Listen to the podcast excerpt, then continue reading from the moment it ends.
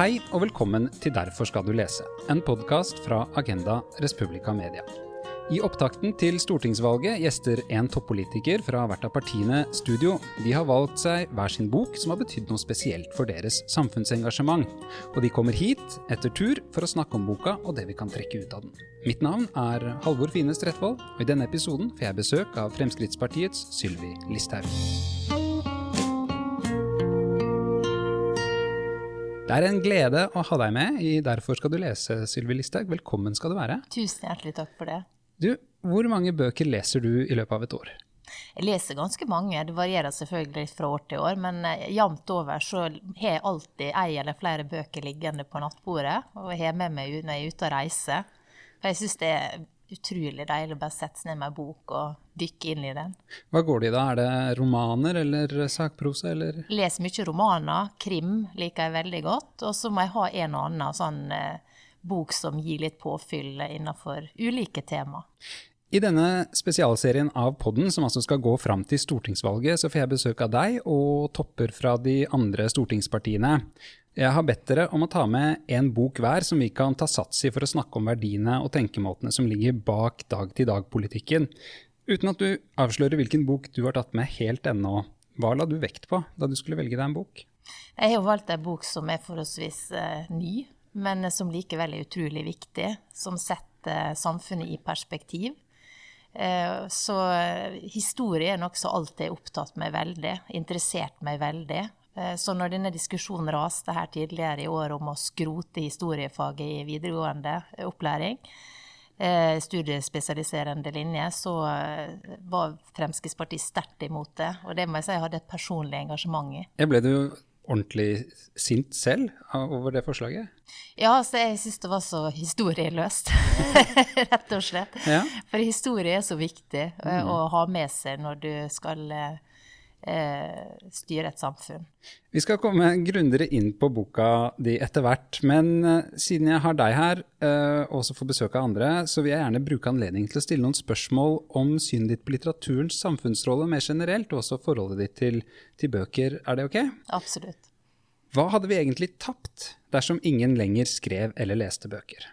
Det hadde jo vært veldig kjedelig hvis ikke det kom noen nye bøker. Nå finnes det jo veldig masse gammel, god litteratur, men det er noe med å få samtidslitteraturen eh, også. Få tilgang til nye bøker. Så jeg tror det hadde blitt et eh, kjedeligere og flatere liv for mange av oss som liker å lese bøker. Trenger vi bøker som få kjøper, da? Er det et offentlig ansvar å lage ordninger som gir oss bøker som markedet alene ikke kan bære? Fremskrittspartiet er jo ganske skeptisk til å, å kaste masse penger ut uh, i denne type ordninger, så vi ønsker jo heller at det skal strammes kraftig inn på det. Mm, hva tenker du blir konsekvensen av det, da? Det vil jo bety at da må man uh, skrive bøker som markedet vil ha, i større grad enn det man gjør i dag. Og det syns jo jeg er fornuftig. Det syns du er fornuftig. Uh, gis det ut for mange bøker i Norge? Altså, jeg vet ikke hvor mange bøker som gis ut, men det er klart mange leses av få.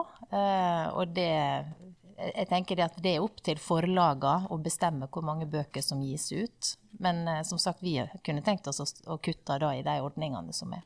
Det sies av og til at kulturlivet generelt, i likhet med mediene, er venstreorientert. Synes du norsk litteratur har en politisk slagside i noen retning? Altså, kultur eh, hele kulturen er jo i stor grad venstrevridd, ja. Eh, men det er selvfølgelig variasjoner der også. Mm, hva syns du om det? Altså, jeg syns jo alltid at det er bra at man speiler et samfunn. Men eh, så er det jo sånn at jeg ønsker jo frihet for folk til å mene det de ønsker. Eh, så det betyr vel bare at vi burde fått flere som hadde et annet synspunkt eh, til å skrive bøker.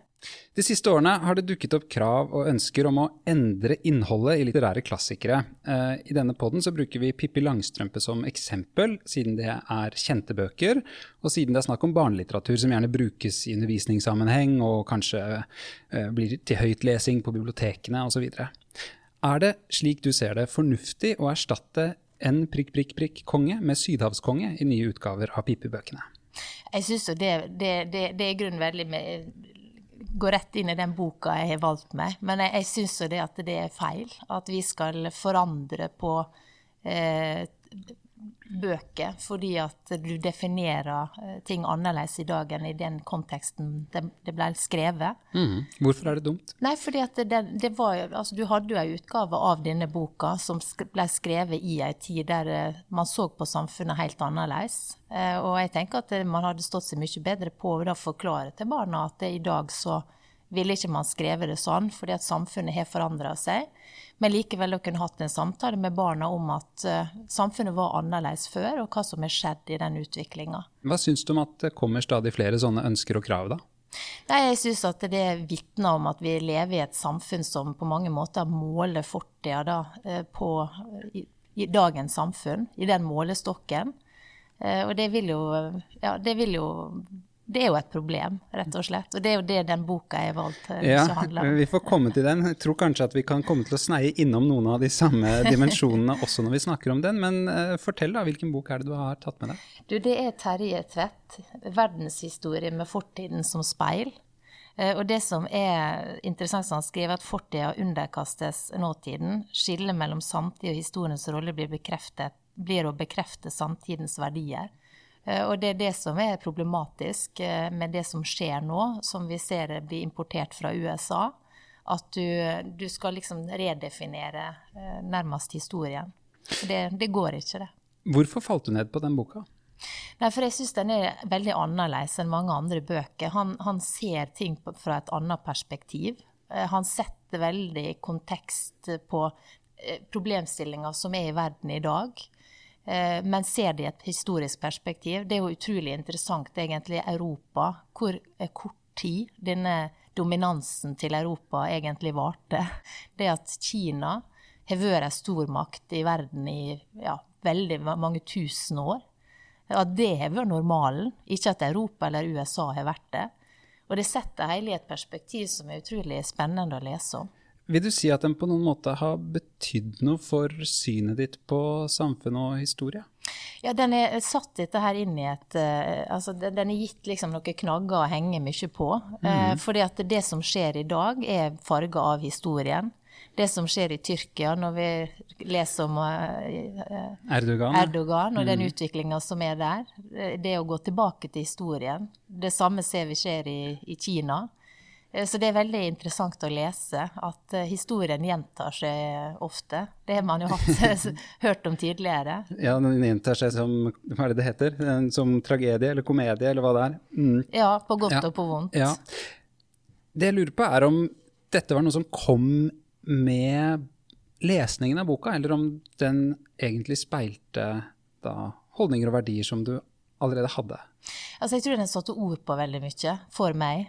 Eh, som jeg tenkte i mitt stille, at, eh, og som jeg syns det var galt da, i veldig mye av diskusjonen som er gått uh, de siste åra.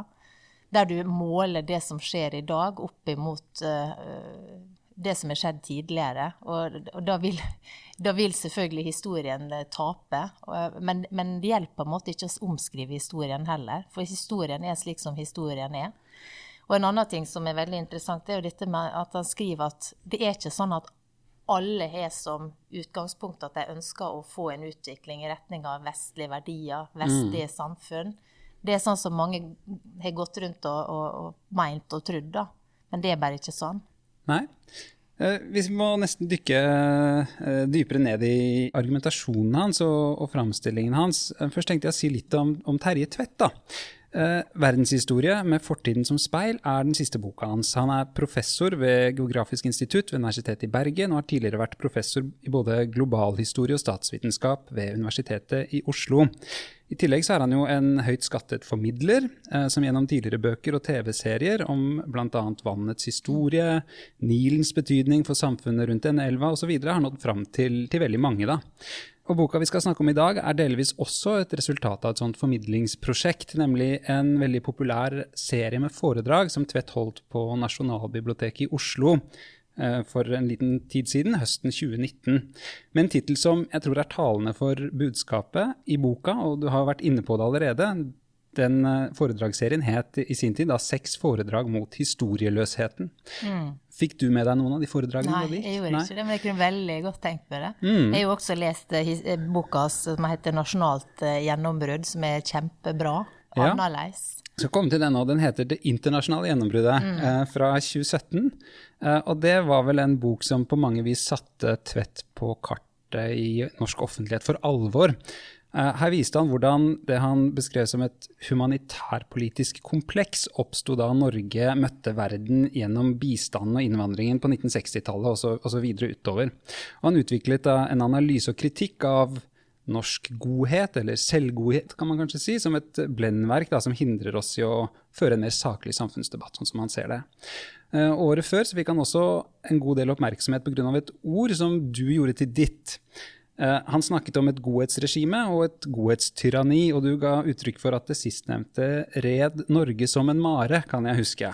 Uh, jeg har lyst til å spørre deg om du ser på Terje Tvedt som en alliert? Nei, altså For det første, så når jeg brukte, brukte ordet godhetstyranni, så hadde ikke jeg anelse om at han hadde brukt det før. Nei. Det var noe som bare datt eh, ned i hodet mitt eh, der og da. Eh, så det var ikke sånn at jeg hadde plukka opp det av Terje Tvedt. Mm. Jeg ser på han som en flink skribent som setter perspektiv på ting, som ser ting litt annerledes enn den enspora debatten som ofte er i Norge. Jeg ser ikke på han som en alliert, men jeg ser på han som en inspirasjon. Jeg syns det er utrolig interessant å lese bøkene hans. Ehm, han er jo veldig eh, også opptatt av dette med vann og vannets betydning. Og det, det, er utrolig interessant å lese om det, og hvilken betydning vannet har hatt for hvor sivilisasjoner er oppstått, og hvor den industrielle revolusjonen oppsto, og mange sånne ting som du ikke tenker på i det daglige. Og i Norge så er vi jo veldig heldige, da, for vann er i hvert fall ikke noe vi mangler. Nei, det er, det er, sant. Det er interessante ting han skriver om det òg. Men så er det jo andre deler av verden der vann virkelig er et stort uh, tema. Så, så, det Ja, jeg virkelig syns at han har gitt mange nyttige perspektiv på mm. verden. Han er jo en slags modig sandsiger. ikke sant? Tar bladet fra munnen, feier til side forstillelse og posering for å fortelle hvordan ting egentlig henger sammen.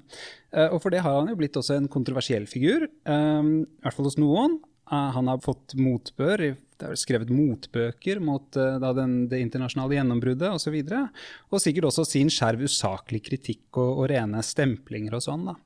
Uh, og du har jo også vært i hardt vær noen ganger, kan man si. Uh, føler du at, du at, det er noe gjenkjennelig her? At dere har på et eller annet vis en litt sånn lignende rolle, eller noe sånt?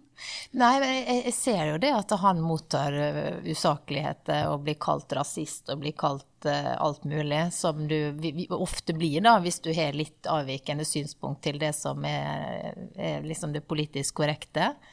Men jeg syns han er veldig tøff som tørr. For jeg tror det er enda tøffere i akademika å liksom trå ut av denne konsensusen og faktisk tørre å stå for, for noe annet da, enn det som er mainstream. Jeg tror det er mye vanskeligere det enn i politikken. Selv om vi er ikke så mange i politikken, det er jo Fremskrittspartiet ofte som tar mange vanskelige debatter, så tror jeg det er mye tøffere i akademika, faktisk. Mm. Eller akademia. akademia. Eh, det finnes jo mange forestillinger også knyttet til Fremskrittspartiet. Eh, og noen av dem går ut på at eh, dere hører til i den eh, høyrepopulistiske partifamilien i Europa, som gjerne beskyldes for å bidra til noe av det misbruket av historien som Tvedt jo påtaler i denne boka. samtidig vil jeg si så har du jo å velge en, en, bok som dette, som i ganske høy grad inviterer til en intellektuell samtale. Eh, i alle fall illustrert at minst én av de stereotypiske forestillingene om Frp ikke stemmer. Var det på noen måte bevisst da du valgte boka? Nei, det var ikke det. Men jeg synes bare den, grunnen til jeg valgte boka, var at jeg syns den var så innmari god. Og hvis jeg mhm. kan liksom få lov til å promotere den, så har flere lest den, så jeg har lyst til å bidra til det. Ja. For jeg syns den, den, ga så mange gode perspektiv. Så det var i grunnen det som var mitt utgangspunkt for å velge akkurat den boka. Mm, jeg syns i alle fall det er topp å få sjansen til å snakke med deg om de temaene som eh, Tvedts bok tar opp. Og særlig da når det gjelder forholdet mellom fortid og, og nåtid. Og det hadde vært interessant å prøve å bruke samtalen på å finne ut av hvor du deler synspunkt og analyse med han, og, og, hvor du har noen reservasjoner eller vil foreslå eh, andre perspektiver. Da. Allerede i Tvedts eh, begrunnelse for prosjektet, som det presenteres i forordet, så går han i rette med ulike former for misbruk av historien for politiske siktemål.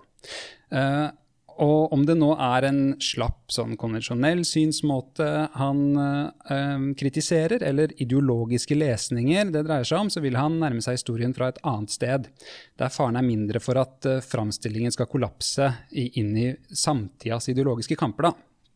Han ser også ut til å mene at dette har blitt et større problem i vår samtid, og skriver bl.a.: Historiens skjebne er å bli misbrukt, og nå framstår den også mer som et billig supermarked Makthavere så vel som opposisjonelle, populister som liberale, Det muslimske brorskap som Tea Party-bevegelsen, alle plukker med seg argumenter fra fortiden som støtter opp om deres egne politisk-ideologiske agendaer.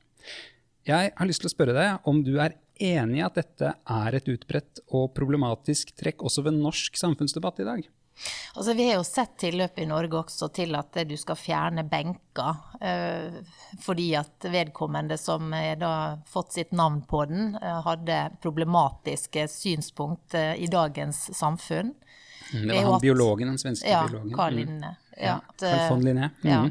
Og vi har hatt uh, diskusjoner om å fjerne statuen av uh, Churchill, som er en av uh, Europas største helter, i hvert fall knytta til andre verdenskrig. Det var mm. utrolig viktig for at vi fikk stansa nazismen. Parentes bemerket så, så, nevner jo Tvedt også de mer problematiske sidene ved Churchills rolle i det britiske imperiet. Da. Definitivt. Mm. Og han skriver jo om at han Eh, hvordan han Altså, han var for det universelle menneskerettigheter, samtidig som han støtta svært eh, tvilsomme forhold i Kenya, f.eks. Eh, og det er også denne tilnærminga som man har til disse koloniene, der det var veldig ulike måter man styrte dem på, og hva som var motivet for å disse, ha koloniene. Mm. Så det er absolutt interessant. Men, men, uansett så tenker jeg at det er alle har nok eh, ulike sider ved seg i et historisk perspektiv, eh, men samtidig så kan ikke man dømme det bare på, på, på ett grunnlag. Da. Man må se hele historien. Altså, eh, Samtidig som han advarer mot ideologisk misbruk av historien, så er Tvedt opptatt også da av at tunge prosesser i vår samtid gjør det nødvendig å stille nye spørsmål til den. Ikke for at vi skal få mer ammunisjon i de ideologiske kampene som foregår nå, men for at vi skal få sporer til refleksjon, sånn at vi også kan forstå nåtiden bedre og de valgene vi står overfor i dag bedre. Da. Og Vi får jo tro at det blir uh, en konsekvens av en sånn økt refleksjon, at vi også kan fatte bedre politiske beslutninger. Uh, som politiker, stortingsrepresentant, da du var statsråd, i hvilken grad vil du si at du selv søkte, eller søker nå, da, etter historisk innsikt i den politiske hverdagen? Man har jo alltid med seg den historien man har fått med seg fra tidligere. Men det jeg syns er veldig interessant i denne boka, er jo det som han skriver om, om klima. Eh, og Det er klart det er jo en veldig, et tema som er høyt oppe på dagsordenen. Og det som er interessant, er jo at han viser til historien der sivilisasjoner har forsvunnet pga. klimaendringer. Han viser til eh, at eh, menneskets historie handler om å prøve å styre vannet. Det handler om å styre naturen. Mm. Men det kan man greie til en viss eh, grad. Um, og, og, han stiller en del spørsmål. Ja, men så kommer det, og så slår det kanskje tilbake. ikke sant? Så det er noe med at mm. et overmot i møte med naturen kan komme som en rekyl, da, og så ende opp med eh, sivilisasjonssammenbrudd i noen av de tidlige sivilisasjonene mm. som, som, han nevner, hvor det er saltavsetninger pga. irrigasjon som er en sannsynlig årsak til at da f.eks. Sumer-sivilisasjonen i dagens Irak og, og, Syria, Mesopotamia, gikk under da, for mange tusen år siden. Ja. Um, vi kommer inn på kanskje det også, og andre ting seinere, men jeg, jeg, tenkte at vi skulle bore enda litt mer i dette med historiesynet hans, og synet hans på historiens rolle i dag, fordi det er ganske nyansert og sammensatt, um, egentlig. Jeg skal prøve å gjengi det, så får bare over med meg hvis jeg snakker litt lenge nå. Eh, men det er jo da særlig en maktforskyvning fra vest mot øst i økonomi og politikk, fra Vesten av USA i spissen til Kina, samt klimakrisen, som du nevnte, som er en kilde til disse kravene til at vi må stille nye spørsmål til historien, som han nevner. Og det er fordi de utviklingstrekkene på en måte sprenger rammene for tre tolkningsfiltre han identifiserer og vil distansere seg fra. For det første så vil han erstatte en eh, provinsialisme eller eurosentrisme som har gjort at vestlige verdier blir alle tings felles målestokk, og den europeiske moderniseringen blir et slags forbilde som også alle andre samfunn er tenkt at de skal eh, oppnå etter hvert. Da. Han vil istedenfor ha en global historie som tar inn over seg alt det betydningsfulle som har skjedd også andre steder i verden. Og For det andre så vil han motbevise 1800-tallets tese om at mennesket har sprengt seg ut av de rammevilkårene som naturen setter, eller at vi er i ferd med å gjøre det. Dette vil han erstatte med et uh, veldig skarpt uh, søkelys på, på, de geografiske forutsetningene for samfunnsutviklinga. Uh, ulike relasjoner mellom menneske og natur gjennom historien, også da den særegne rollen som vannet og vannforholdene og vann-samfunnsrelasjonene har hatt da, som drivkraft i historien. Og for det tredje så vil han vekk fra en idé om at alle, uavhengig av kultur, religion, oppvekst, samfunnsforhold osv., egentlig ønsker det samme leveviset og de samme verdiene som oss. At uh, det bor en slags verdiliberal sosialdemokrat inni enhver kineser, kenyaner, meksikaner, saudi-arabier um, osv. Som, som bare lengter etter å komme ut, for å si det litt sånn skarpt og spisst. da. Um, at vi alle har lik verdi, betyr ikke at vi alle er like, sier Tvedt, og historien blir uforståelig om vi antar det på tvers av årtusener og verdensdeler. Eh, jeg oppfatter at jeg uh, kan oppsummere mye av dette i en kritikk av et eurosentrisk verdensbilde og et teleologisk historiesyn, som altså går ut på at man oppfatter historien som eh, meningsbærende, at den har en retning og skal nå et mål, er en bevegelse mot et mål, som, som typisk nok da ofte minner mistenkelig om vår egen tid og, og våre egne verdier. Um, det jeg lurer på først, er om du ble truffet på noe vis, da, denne kritikken av de fortolkningsskjemaene som, som Tvedt legger fram eh, i boka? Nei, altså Jeg er helt enig med han. Ja. Det, og det ser vi jo. at det, Hvis du ser utviklinga i mange land, så har det jo, eh, altså, var det jo mer progressivt på 70-tallet enn det er i dag. Ta dagens Iran. Eh, kvinner mm. var jo langt mer frigjort i Iran på 1970-tallet. Ser du gamle bilder derfra, så ser du kvinner som går med korterma gensere, som går med skjørt. Mens i dag så er jo ikke det lov. Eh, så på en del en land har jo historien gått bakover, og ikke framover. Eh, så jeg deler veldig det han sier om at vi må erkjenne at alle mennesker har lik verdi. Eh, alle er født like. Men det er noe helt annet å tro at de deler, ønsker å dele de samme verdiene. Mm. For det er ikke sånn. Jeg er helt enig med han i det. Og Derfor er det jo, det er jo også viktig å huske her hjemme at det å ta vare på verdiene våre, det er ikke sånn at de eh, deles overalt. Og det må vi huske på. Han kritiserer på den ene siden av også f.eks. sånn marxistisk utopisme, mm. som ser for seg at endemålet til historien er um, det klasseløse samfunnet, og det skal vi bidra til å frambringe. Og han kritiserer det som er en paradoksal eurosentrisme i oppgjøret med kolonitida, mm. som legger alt ansvar, også all skyld, på Europa, som blir da den mm. eneste aktøren i det han mener, og som er et mye mer komplekst bilde av mange samtidige aktører som har sine interesser og sine strategier osv. Jeg går ut ifra at du kan si deg enig med han på, på disse områdene. Samtidig så kritiserer han jo også ideen om at det er noe særskilt med vestlig kultur eller sivilisasjon som kan forklare vår maktposisjon i dag. Da.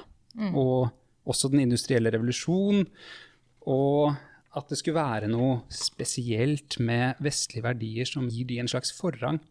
Han finner ingenting i historien som egentlig kan legitimere de maktforholdene som finnes i dag. Det jeg lurer på, er du, hvordan du tenker om det.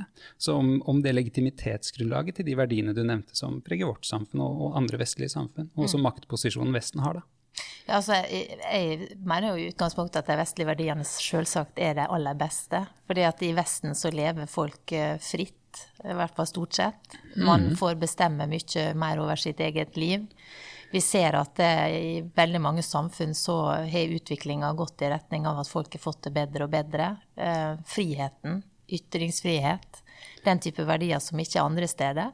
Men samtidig så, så legger jo han til grunn at du også må forstå at det er ikke alle steder du ønsker det. Fordi at man har andre verdier som ligger til grunn. Eh, så det som har vært Fremskrittspartiet sitt utgangspunkt hele tida, er jo dette med at vi må huske på det. Og så må vi huske på å ta vare på våre verdier, utvikle dem videre. At det kommer ikke av seg sjøl. Mm. Det er ikke det gjort tidligere heller. Men hvordan begrunner de altså Det han sier, er at det finnes ikke egentlig noen historisk begrunnelse for at de skal stå over andre verdier, da? Nei, og det kan du si, men, men, det vil vel være sånn at i ulike land med ulike verdier, så mener man at sine egne verdier er best. Ja. Eh, sånn vil det jo uansett være. Eh, og hvis man ser hvor mennesket har det best, da, eh, hvis man skal ta det som et mm. utgangspunkt, så vil i hvert fall jeg hevde at kvinner i Norge har det nok bedre og friere enn i veldig mange andre land, eksempelvis. Eh, barn har en egenverdi i Norge. I en del andre land så, så blir ikke barn sett på på den samme måten som vi har. Så, så det er jo våre verdier. Eh, men det er det som er viktig å forstå, som han sier, at det, det, er ikke sånn at alle jobber for å komme til de samme verdiene. Det er ikke det som er utgangspunktet og drivkraften i mange samfunn. Eh, men det betyr ikke at ikke vi skal prøve oss å selvfølgelig påvirke at mennesker over hele kloden skal få det bedre gjennom å få rettigheter. Skal vi også prøve å påvirke de til å bli likere oss? Nei, men jeg, jeg, tror det handler mest om verdiene. At mm. respektere verdiene. Det er det som er viktig å, for så vidt være med på å prøve å påvirke. Selv om det selvfølgelig vil være vanskelig å få det til. Rett og slett for det som han skriver, så er det veldig mange samfunn som, som, som i utgangspunktet mener at de har de beste verdiene, og ser ingen grunn til å endre på det. Og det handler jo også om religion. Det handler mm. om kultur som er helt annerledes enn det ja, vi lever i. da. Ok, La oss uh, ta et slags sånn riss av progresjonen i boka. Så har jeg noen spørsmål som knytter seg til de ulike uh, delene. Han uh, tar oss med fra de første sivilisasjonene i, i Sumer, altså mellom uh, Eufrat og Tigris, i Egypt, langs Nilen og langs Induselva i dagens India. Og, og så beskriver han Ming-dynastiet og det osmanske riket i middelalderen, den industrielle revolusjonen, den europeiske imperialismen på 1700-1800-tallet, uh, USAs økende maktposisjon på 1900-tallet og en økende rivalisering med Kina i dag, samt da et siste, mer framoverskuende kapittel om klimakrisens eh, potensielle konsekvenser. Så I det første kapitlet så skriver Tvedt eh, om mye, men også om dannelsen av staten og ideen om dens legitimitet. Han avviser eh, et knippe ulike teorier, f.eks. av det som heter tvangsteorien, der staten blir en, en beskyttelse mot fiender og naturkrefter, og mm. det han kaller en frivillighetsteori, der det sentrale er ideen om en slags sosial kontrakt som forteller at man får mer hvis man slår seg sammen i politiske fellesskap enn man ville fått hver for seg. Og han nevner også en økologisk teori som forteller at staten ble til når folk på en måte ble holdt fast av naturforhold og ikke kunne flytte på seg. Men så kommer det han, eh, han på en måte gjør opp status da, og sier at det neppe lar seg avgjøre. Og at legitimeringen av staten ser ut til å ha kommet som en slags normalisering eller naturalisering av hierarkier som i bunn og grunn oppsto av rene tilfeldigheter, sier han et sted. Man kunne jo dermed komme til å mene at uh, staten er et problem, at den burde være minst mulig. Uh, er det et syn du deler? Altså Fremskrittspartiet ønsker jo mest mulig makt til folk sjøl. Eh, og minst mulig stat? Ja, altså, men, men, i Norge så er vi jo selvfølgelig for at vi skal ha en god velferdsmodell som sikrer alle innbyggere. Eh, men at folk får beholde mer av sine skattepenger, bestemme mer over sitt liv. Men jeg synes det som er interessant i boka, er at den viser det at det er ulike ting som egentlig holder sammen ulike sivilisasjoner. For i Kina der var det jo veldig mye dette med å styre vannet, styre været. altså Det var det som ga makt til disse dynastiene. Eh, mens i, i, det osmanske riket så var det jo religion som bandt sammen, og som gjorde om du måtte betale mye skatt eller lite skatt, og hvordan du ble behandla. Så det er jo interessant å se at det er ikke, er ikke ett eh, svar på dette her, men det er ulike svar alt etter hvilket rike og sivilisasjoner man snakker om. Når du nevner det osmanske imperiet, så, så er det interessant at Tvedt der helt direkte peker på behovet for kunnskap om fortida for å fatte mm. gode beslutninger i dag. Dette riket det dekket jo store deler av Midtøsten og området rundt Middelhavet da det var på sitt største, og her har Norge bombet Libya, søkt fred i Sør-Sudan og mellom Israel og palestinerne for noen år siden. Da har det pågått en krig i Syria, Og de omstridte IS-kvinnene oppholder seg i dette området. Alle migrasjonsrutene som skapte flyktningekrisen i 2015, krysser også da osmanernes gamle territorium.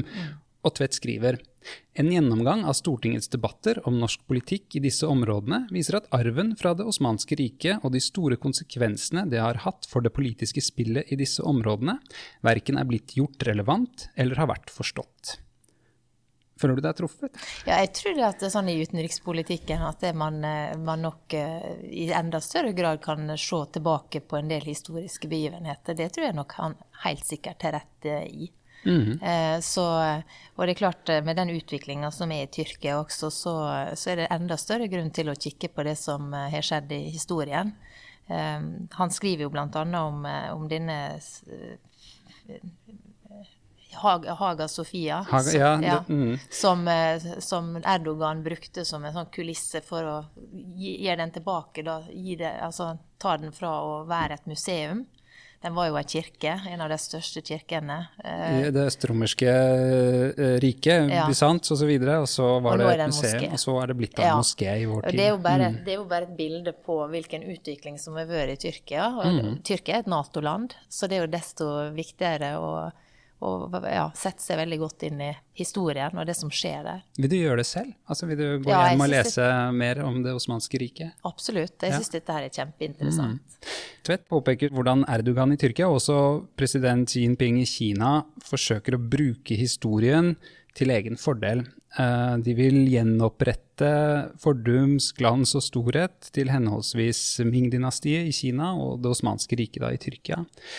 Sett fra deres perspektiv så er det jo Vestens 200-årige seiersgang som er en historisk anomali, et unntak i, i, den lange historien. Og det jeg lurer på, er om du eh, ser deres poeng? Eh, altså eh, Det er jo ikke så bra for eh, si, nødvendigvis eh, verden framover hvis de fortsetter på den galeien her og skaper økte spenninger. Eh, men det er klart at kineserne har jo på mange måter har hatt en ganske kløktig måte å gjort det på. Så istedenfor kule og krutt, så har de kjøpt opp enormt mye selskap i Vesten.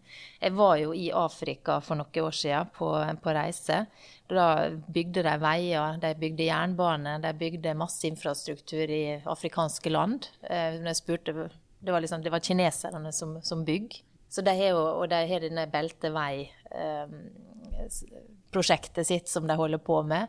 Så de har, jo, de har jo virkelig eh, hatt en enorm utvikling på ganske få år. Jeg så her det var fra 1979 og framover. Det, eh, det, var vel det landet fra 1990 til, 90, til 2020 som har hatt størst økonomisk vekst i hele verdenshistorien. Så det er helt enormt. Eh, men samtidig så er det interessant også å se at Tvedt, for det er jo mange som da sier at nå har Kina nesten allerede overtatt. Og han viser jo til at det fram dit er det ganske langt. Men jeg var i USA i 2005 og var i, i Kongressen da som intern. Og det var veldig interessant, for allerede den gangen så var det store tema Kina. Eh, og frykten for at Kina skulle vokse seg stort og sterkt. Og siden ja. den gang så er det skjedd veldig mye. Ja, nå I som, sommer så var jo også Nato-toppmøtet opptatt av Kina spesielt. da. Ja. Mm. Og det er jo mange problemstillinger knyttet til Kina i dag, som går på menneskerettigheter i Xinjiang-provinsen med uigurene. Hongkong har vi mm. sett uh, denne sommeren at det har blitt uh, ytterligere uthullet demokrati. da, med Disse anslagene mot en sånn uh, regimekritisk avis osv. Og, og samtidig så er jo Tyrkia og Norge alliert i Nato, som du nevnte. Og når det gjelder Kina, så, så forhandler vi om en frihandelsavtale mm. as we speak.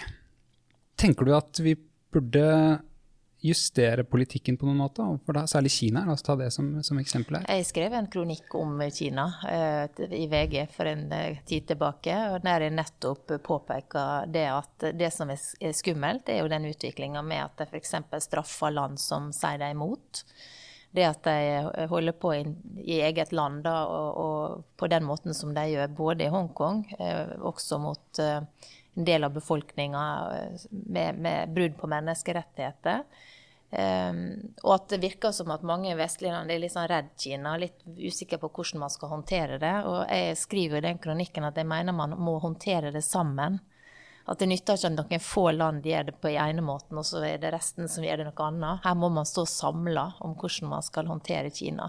Og det er vel nettopp det man prøver å få til gjennom Nato, bl.a.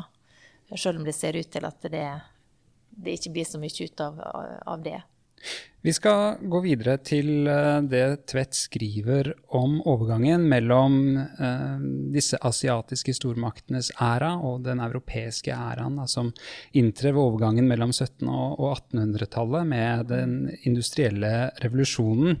Eh, jeg skal lese et lite sitat nå, det er litt langt, så du får holde deg fast igjen. Jeg tror det får fram et sentralt poeng, så det er verdt det. Og det er da fra begynnelsen av kapittelet om den industrielle revolusjonen. Og det går sånn her. Hvorfor var det England og Vest-Europa som brakte verden ut av den lange perioden der jordbruket dominerte, og ikke Asia? En årsak til at dette spørsmålet står så sentralt, er at hvordan det besvares, vil ha avgjørende betydning for hvordan dagens verden skal forstås. Én ting er sikkert. Om Englands posisjon i 1820 som verdens mektigste land og moderniserende motor blir forklart med at de hadde spesielle positive verdier, oppfatninger og institusjoner som gjorde dette spranget i historiens utvikling mulig.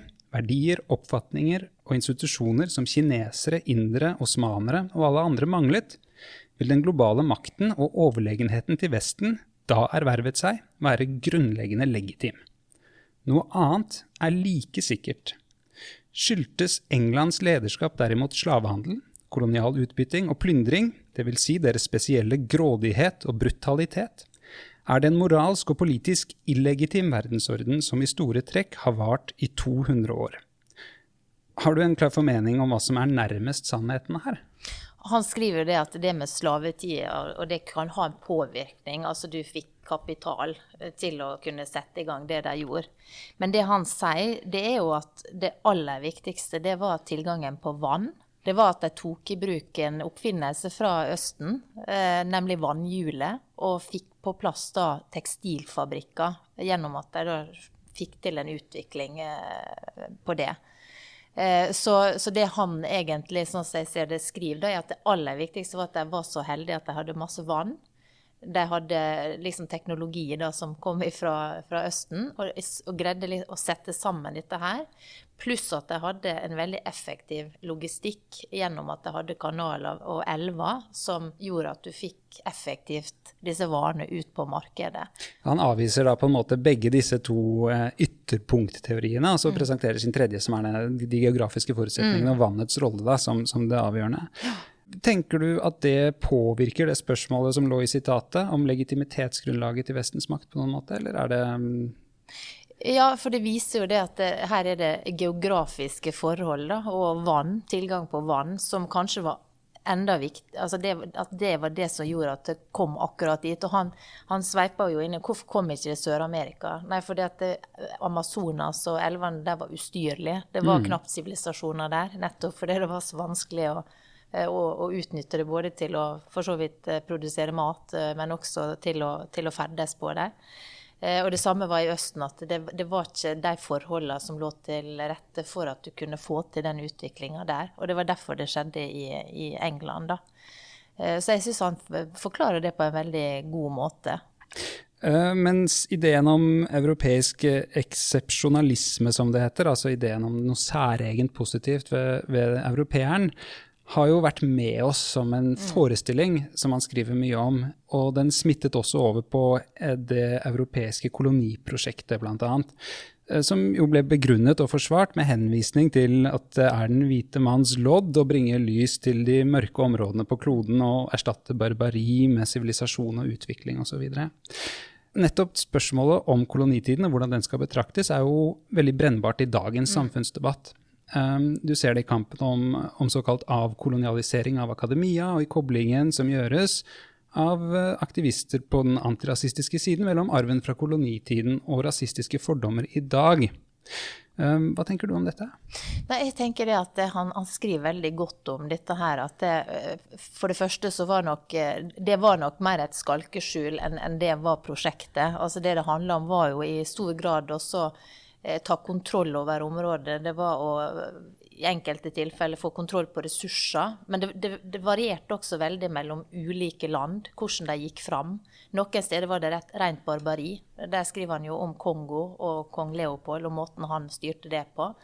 Mens Egypt, der var det helt annerledes når britene var der. Så det, det er ikke ett bilde på hva som var kolonitida. Det er også veldig interessant. Så skriver han at det, på den ene sida så etterlot de seg, når de trakk seg ut, land som var mer utvikla, hadde fått uh, veier, jernbane, skoler. På den andre sida så hadde de også da, hatt en sånn splitt og hersk-teknikk som gjorde at det la grunnlaget for borgerkriger. Mm. Så det han gjør, er at han, han gir et veldig et nyansert eh, blikk, som jeg syns er veldig veldig interessant, i stedet for den svart-hvitt-tenkinga som eh, ofte er i eh, diskusjonen. Um, han har også et kapittel da, som handler om spørsmålet eh, om Norge kan betraktes som et koloniland. Jeg forstår det dit hen at han mener det er en utbredt feiltagelse, altså noe mange deler. Og at det derfor er viktig å rette opp inntrykket. Da. Det er derfor han har med den delen i boka. Hva tenker du om det? Er det problematisk, syns du, at det uh, er en påstand der ute om, om, et norsk medansvar for kolonialismen? Ja, Norge var jo aldri en kolonimakt i Afrika. Aldri. Uh, og uh, sånn sett så er ikke oss en del av den historien. Men det han skriver, er at vi var jo en kolonimakt på Grønland og Island uh, i tidligere Under vikingtiden, ja. Mm, ja. Um, og på de britiske øyene kanskje også. Mm. Men ikke slipp på det helt ennå, fordi det går jo an å tenke seg at denne oppfatningen av, om europeisk eksepsjonalisme og det som heter uh, the white man's burden, altså de hvite menns uh, selverklærte oppdrag om å bringe sivilisasjon til verden, var noe som ble delt av store grupper i mange vestlige land. Mm. Uh, og selv om Norge ikke var en kolonimakt, men snarere var en koloni under, under Danmark da, på mange vis i 400 år, så er det vel riktig å si at disse holdningene også fantes i det norske samfunnet? Det gjorde det helt sikkert i deler av samfunnet, men det han viser veldig tydelig, er at den norske stat var ikke involvert i noe sånne type prosjekt som innebar at vi var en del av, av kolonimaktsystemet, om man kan si det sånn. da. Eh, og det som også er veldig interessant, er jo at han eh, tar for seg altså, For det første at det, det britiske kolonisystemet varte historisk sett i veldig kort tid. Det britiske imperiet var 70 år eller noe sånt. ja, det var, Det er mm. utrolig kort når du leser ja. resten her, hvor, hvor, enormt eh, lange mange av disse andre her er på. Altså det osmanske var vel fra 1200 til 1920. Det, det er mange hundre år. Eh, men så er det også veldig interessant å se at USA stilte som en avgjørende betingelse for å gå inn på alliert side i forbindelse med andre verdenskrig, at kolonistyret skulle oppheves. Og da kommer han inn på det spesielle med USA som imperium. Eh, kan du ikke si hva, hva, han legger vekt på der? Nei, Han eh, skriver jo det at han, eh, de, de avlasta, om du kan si det, eller avløste dette kolonisystemet med rett og slett bistandssystemet. Altså bistanden overtok for, for kolonisystemet. Ja, og, og, i tillegg så dette med, at, med USAs selvbilde som da frihetens uh, forsvarer, både på hjemmebane, når de tar et oppgjør med kolonimakten og blir til som nasjon, ikke sant? Mm, i frigjøringen ja. fra Storbritannia. Uh, det var vel den første kolonien eh, britene mista i 1776. Ikke sant? Og, og, da er dette noe som de tar med seg inn i 1900-tallet, og særlig i etterkrigstiden. En forpliktelse til å hjelpe også da andre land til selvstendighet og frihet fra mm. kolonisystemet. Eh, og dette la grunnlaget for den amerikanske makten i etterkrigstiden. Og så er Tvedt opptatt av å behandle spørsmålet om nå det amerikanske århundret kan være mm. i ferd med å gå mot uh, slutten. Historien om det britiske imperiet, raskt opp og raskt ned, mm. viser jo at ting kan endre seg relativt raskt. Uh, men Tvedt er ikke så urolig, og mener at ryktene om USAs snarlige solnedgang mm. er, er overdrevet. da. Eh, hva tenker du om det? Ja, jeg tror nok det at jeg støtter Tvedt i det. da. For eh, USA har en enorm militær makt. De, har, altså de er jo verdens største økonomi. Eh, og har mye ressurser. Så jeg er nok enig med Tvedt der. Blir du ikke bekymret av polariseringen og ulikheten og det vi har sett av oppløsningstendenser i USA, da, som kan være med på å gjøre grunnen mer skjør under den makten? Ja, det har vært veldig urolig i USA nå i, over tid. Og, så, og det, jeg håper jo det at man greier i større grad å samle seg der. Nå ser det ut til at det fremdeles er veldig stor uh, splittelse. Men uh, jeg håper det at USA greier å ja, til tross for det fungerer godt. Og det ser jo ut som at man greier, i hvert fall i det internasjonale uh, altså Internasjonalt nå da, så ser vi jo at USA er mer tilbake i, i sånn som vi kjenner det fra tidligere. Mm. Det siste kapitlet i Tvedts bok handler om, om klima. Um, han slår fast i innledningen til det kapitlet helt først. Menneskeheten ser ut til å ha samlet seg i større grad enn på noe annet tidligere tidspunkt i historien om en felles bekymring med betydning for hvordan alle samfunn skal organiseres og utvikles. Sjelden har så mange, så raskt, endret oppfatning om et så fundamentalt spørsmål, med større politisk rekkevidde enn de har gjort i forbindelse med klimaet de siste årene. Har du også endret syn de siste årene på klima? Altså, jeg tror nok det at uh, alle er opptatt av å få ned uh, utslippene. Uh, men så er det klart at det, det som han skriver, da, som gjør at vi må, vi, må, se det litt i perspektiv også, det er at klimavariasjoner har medført at en rekke samfunn er kollapsa og forsvunnet ut av historien. Det er ikke noe nytt dette her, at man er bekymra for endringer i klimaet når han skriver om hvordan verden har forandra seg. Eh, på Doggerbank der bodde det folk, nå er den fylt med vann. Mm. Bosporosstredet det kom fordi at is smelta. Altså det, det, setter hele perspektiv, da. Um, Men det er jo veldig store og dramatiske hendelser i historien han peker på der. Ja, det er det. Det og det minner oss om at det har vært store dramatiske endringer i historien tidligere mm. også. Eh, og det, det, kommer nok til å fortsette å være framover. For mm. det, det, er sånn, det er sånn eh, historiens gang er. Det ligger en annen ting der også som er, kan være interessant å, å, løfte. og Det er jo at på mange vis så begynte den prosessen med å manipulere naturen da, allerede med de første sivilisasjonene. Mm. Så, så, han skriver et sted at på et vis er vi samtidige med sumermenneskene. At de begynte med å Eh, manipulere vannlandskapet ja. rundt seg for mm. å skape uh, grunnlag for, uh, for, samfunnet som i utgangspunktet befant seg på ørken, uh, ren ørkensand ikke sant? Med, med gjennom irrigasjon. Og de fikk jo da dette i fleisen som vi snakket om tidligere i, i praten, ved at irrigasjonen over tid avsatte så mye salt at jorda til slutt ble ufruktbar likevel. Mm. Og på et større plan så er det kanskje noe lignende som kan skje. da, altså at vi Eh, tar opp olje, brenner fossile ressurser, påvirker klimaet på en sånn måte at vi kan få det kraftig i, i retur. Da, en stor mm. utfordring. Så tenker du at sumersivilisasjonen har en lekse å lære oss her? Ja, men jeg tenker at det, hele menneskets historie, eh, historie handler jo om oss å greie å jeg skal si, temme naturen, eh, utvikle stadig nye måter å styre mest mulig på. Eh, og selv om sumer-sivilisasjonen forsvant, så sitter vi her da mange tusen år etterpå med en verden som eh, har gått eh, veldig framover siden den gangen. Men vi vil jo nødig at den skal forsvinne? Nei, absolutt ikke. altså, Men, det vil vel være ille? Ja, det vil være ille. Men samtidig så Det kommer til å skje endringer framover eh, også. Mm. Men jeg, jeg, er jo framtidsoptimist, da. Eh, det heter Fremskrittspartiet, og jeg har jo den formening at eh, det er utrolig hva mennesker kan få til av teknologisk utvikling, framskritt. Det å se verden i dag og liksom se på at om ti år så står oss på samme sted, det gjør ikke oss. Det er ikke så lenge siden smarttelefonene kom. Jeg tror ikke det er noen i dag nesten som husker hvordan det var før de kom.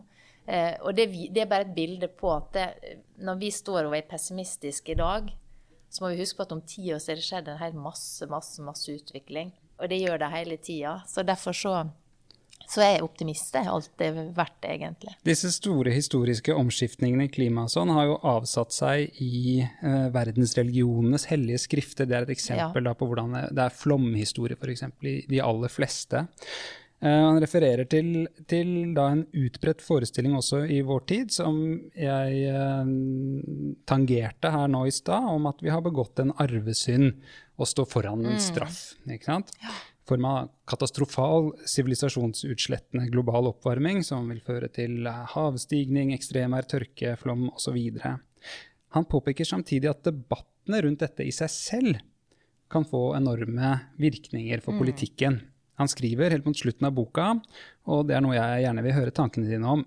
Over hele verden vil det bli konflikter, ikke bare om kontroll over knappe og svært varierende vannressurser, men også og ikke minst om spådommer og fortolkninger om framtidens vannlandskap. Få vil bli mektigere enn dem som klarer å plassere sine projeksjoner av det framtidige vannlandskapet på tronen. For det vil påvirke demokratiets posisjon, nasjonalstatens rolle, globalpolitikken og ikke minst forholdet mellom rike og fattige i verden.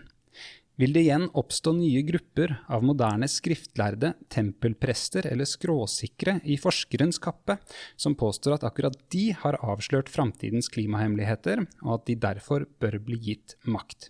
Hva skjer med samfunn om noen klarer å iscenesette seg selv som de som kjenner framtida, og dermed indirekte kan bestemme hva som må til for at regnet skal falle gunstig i hele verden og hindre at havene stiger?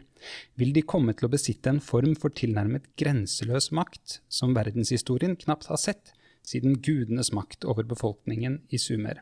Er det en bekymring der som du deler? Ja, altså det, vi, vi, ser jo det at det er veldig Hva jeg skal si det, det er en utvikling der det kommer den ene rapporten etter den andre som, som viser dommedagsprofetier, nærmest, og som gjør at folk blir bekymra. Eh, så det er jo viktig at vi har eh, rom eh, også framover for forskning, fri forskning. At ikke det er bare de som har ett synspunkt som får penger, men at vi fremdeles legger til grunn at du skal kunne ha fri forskning. Eh, og en annen ting som han viser, er jo Det var flere spådommer på begynnelsen av 2000-tallet som overhodet ikke er slått til. Og det minner oss på at det er en ting som er helt sikkert, forskning eller ikke. Det er at ingen kan spå om framtida. Ingen. Eh, den mannen eller den kvinnen som kunne gjort det, hadde blitt rik, men, men det, det fins ikke.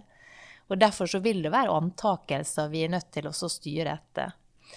Og da er det jo viktig å huske på at uh, verden utvikler seg, og at uh, ja, vi må, vi må bruke hodet også når vi skal eh, styre framover, og ikke kaste over bord alt på bakgrunn av eh, rapporter eller følelser. Det er jo derfor vi f.eks. er skeptiske til nå at Norge skal ha så mye strengere mål, altså utslippskrav, høyere CO2-priser enn alle andre land. Det er jo fordi vi mener at Norge kan ikke redde hele verden. Vi er et lite land med fem millioner innbyggere. Det vi kan gjøre, er å legge til rette for teknologiutvikling, fordi vi er langt framme innenfor mange sektorer. Men uh, vi kan ikke uh, ruinere oss fordi vi skal være fremst uh, i klassen. Og så var det dette med de enorme perspektivene da, og de potensielt svære endringene som har skjedd før i menneskehetens mm. historie.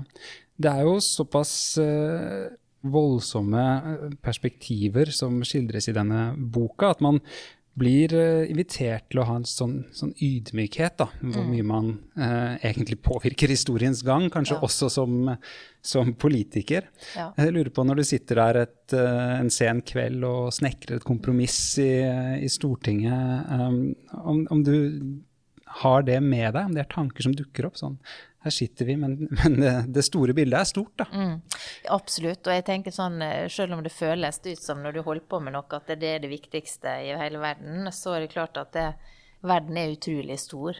Um, og eh, det skjer så utrolig masse. Historien har vist oss at det meste er bare et lite blaff. Så ingen kommer til å huske. Jeg tror nok at i historiebøkene så kommer det til å stå om koronapandemien. ja, Men uh, det er mange andre ting det ikke kommer til å stå om. Uh, Fra vår tid, mener du? Så ja, er det, det, det, er det ene som overlever? Det er noe av det som kommer mm. til å stå om, fordi at det rammer en hel verden. Og det fikk så store konsekvenser for alle. Og det, det er jo også noe han skriver om helt på slutten, at det, det viser jo det, det, som var utenkelig for ett år siden, at hele verden stengte ned, at det var slutt på reising. Plutselig er det skjedd. Uten at noen egentlig hadde noen sagt at vi sto to meter fra hverandre for et år siden, som han skriver, da, så ville folk trodd at vi var gale. Ja. Men nå er det helt naturlig. Og det viser egentlig hvor, eh, hvor lite du kan forutse om framtida. Sant. Hvis vi til slutt skal gjøre noe da, med den problematiske historiebruken som Tvedt har identifisert og, og tar et oppgjør med, både eurosentrismen, provinsialismen, eh, overmot i møte med naturen og tendensen vi har til å anta at alle egentlig vil bli litt mer som oss. Hva kan vi gjøre da? Hva kan du gjøre da, som politiker for å motvirke historieløsheten? Altså, jeg tenker Det at det viktigste for oss som norske politikere, det er jo for det første å sikre at uh, vi styrker til, altså, Norge. Må, altså det vi legger til rette for i Norge. At velferden i Norge blir best mulig. At vi bygger landet best mulig. At når vi skal hjelpe ute, som vi skal, selv om vi ønsker å redusere bistandsbudsjettet, så ønsker vi å bruke penger ute hjelpe flest mulig medmennesker på flukt. Um, som en del av dem er jo uttrykk for dype konflikter som er gått over lang, lang tid, historisk. Um, så ja, det, jeg, jeg, tenker det, det, er det viktigste vi kan gjøre. Det er å, å sikre at uh, Norge blir sterkere framover til å håndtere uh, disse problemstillingene, det vi skal. Men mm. historieløsheten, altså, hva kan vi gjøre med den? Kan, du nevnte at du var mot å svekke historiefaget, men vil du gå inn for å styrke historiefaget? Jeg mener det er mer naturlig å styrke det enn å søke ja. det. Men kan ikke det være et bra, påtale, sånne, bra lovnad fra dere, da? Ja, men når det kommer sånne påstander da, sant, med at du skal rive statue, eller du skal fjerne benker, eller sånne type ting, ja. så må han faktisk eh, ta en sveip innom historien og prøve å få fram hvor viktig den faktisk er. Ok, Så vi får ikke noen lovnad om mer penger til historiefaget uh, fra deg her nå? Um. Nei, men i hvert fall så sørger vi for å redde det. Ja. så det var jo bra. vi skal gå inn for landing her, men vi må nesten kvittere på det som er en slags lovnad i episodetittelen. Så altså, hvorfor skal vi lese verdenshistorie med verden som speil av Terje Tvedt nå? Det er fordi at det er en fantastisk interessant bok som gir deg på noe over 300 sider et veldig godt, uh, god gjennomgang av historien, med litt andre innfallsvinkler som forklarer hvorfor vi er der vi er i dag. Før vi avslutter, så har jeg også et siste spørsmål som jeg gjerne vil stille alle dere som stikker innom i løpet av valgkampen. For det er jo mye av politikken som ikke når helt opp i den løpende nyhetsdekningen. Så altså, hvis du skulle trekke fram et punkt fra Fremskrittspartiets program som er underdekket, gitt den betydningen du mener at det har, hva ville det vært? Det at vi må sikre tilgang til medisiner til de som er syke. Eh, det er sånn i dag at eh, flere, altså innenfor noen eh, sykdommer så blir du overlatt til å betale for medisinene sjøl hvis du blir syk. Det kan være snakk om hundretusenvis av kroner per måned, og det vil si at det er de færreste som har råd til det. Det betyr at enten så må du da lide deg videre uten å få den hjelpa som er tilgjengelig, eller du kan i verste fall dø fordi at staten og helseforetakene sier at vi ikke har råd. Og det å få gjort noe med det, sikre tilgang til medisiner, det er så utrolig viktig for, for vanlige folk. Mm. Så det er noe som jeg kommer til å bruke masse tid på framover å snakke om. Vi får la det være siste ord i denne omgang. Tusen takk for at du tok turen hit til Derfor skal du lese, Syrvi Listhaug, og godt valg etter hvert. Tusen hjertelig takk for det. Takk også til dere som har hørt på. Gi gjerne en tilbakemelding i Apples podkast-app, på Spotify eller hvor du nå enn lytter til podkast. Nå finnes det også en Facebook-side for podden, og der går det an å gi ris eller ros. Jeg heter Halvor Fine Stretvold og er tilbake med en ny episode om bare et par dager. Da kommer det en ny partitopp, og boka vedkommende har med seg, er 'Ulikhetens pris hvorfor likere fordeling er bedre for alle' av Richard Wilkinson og Kate Pickett. Inntil vi høres igjen, kan dere jo kikke på den utgivelsen.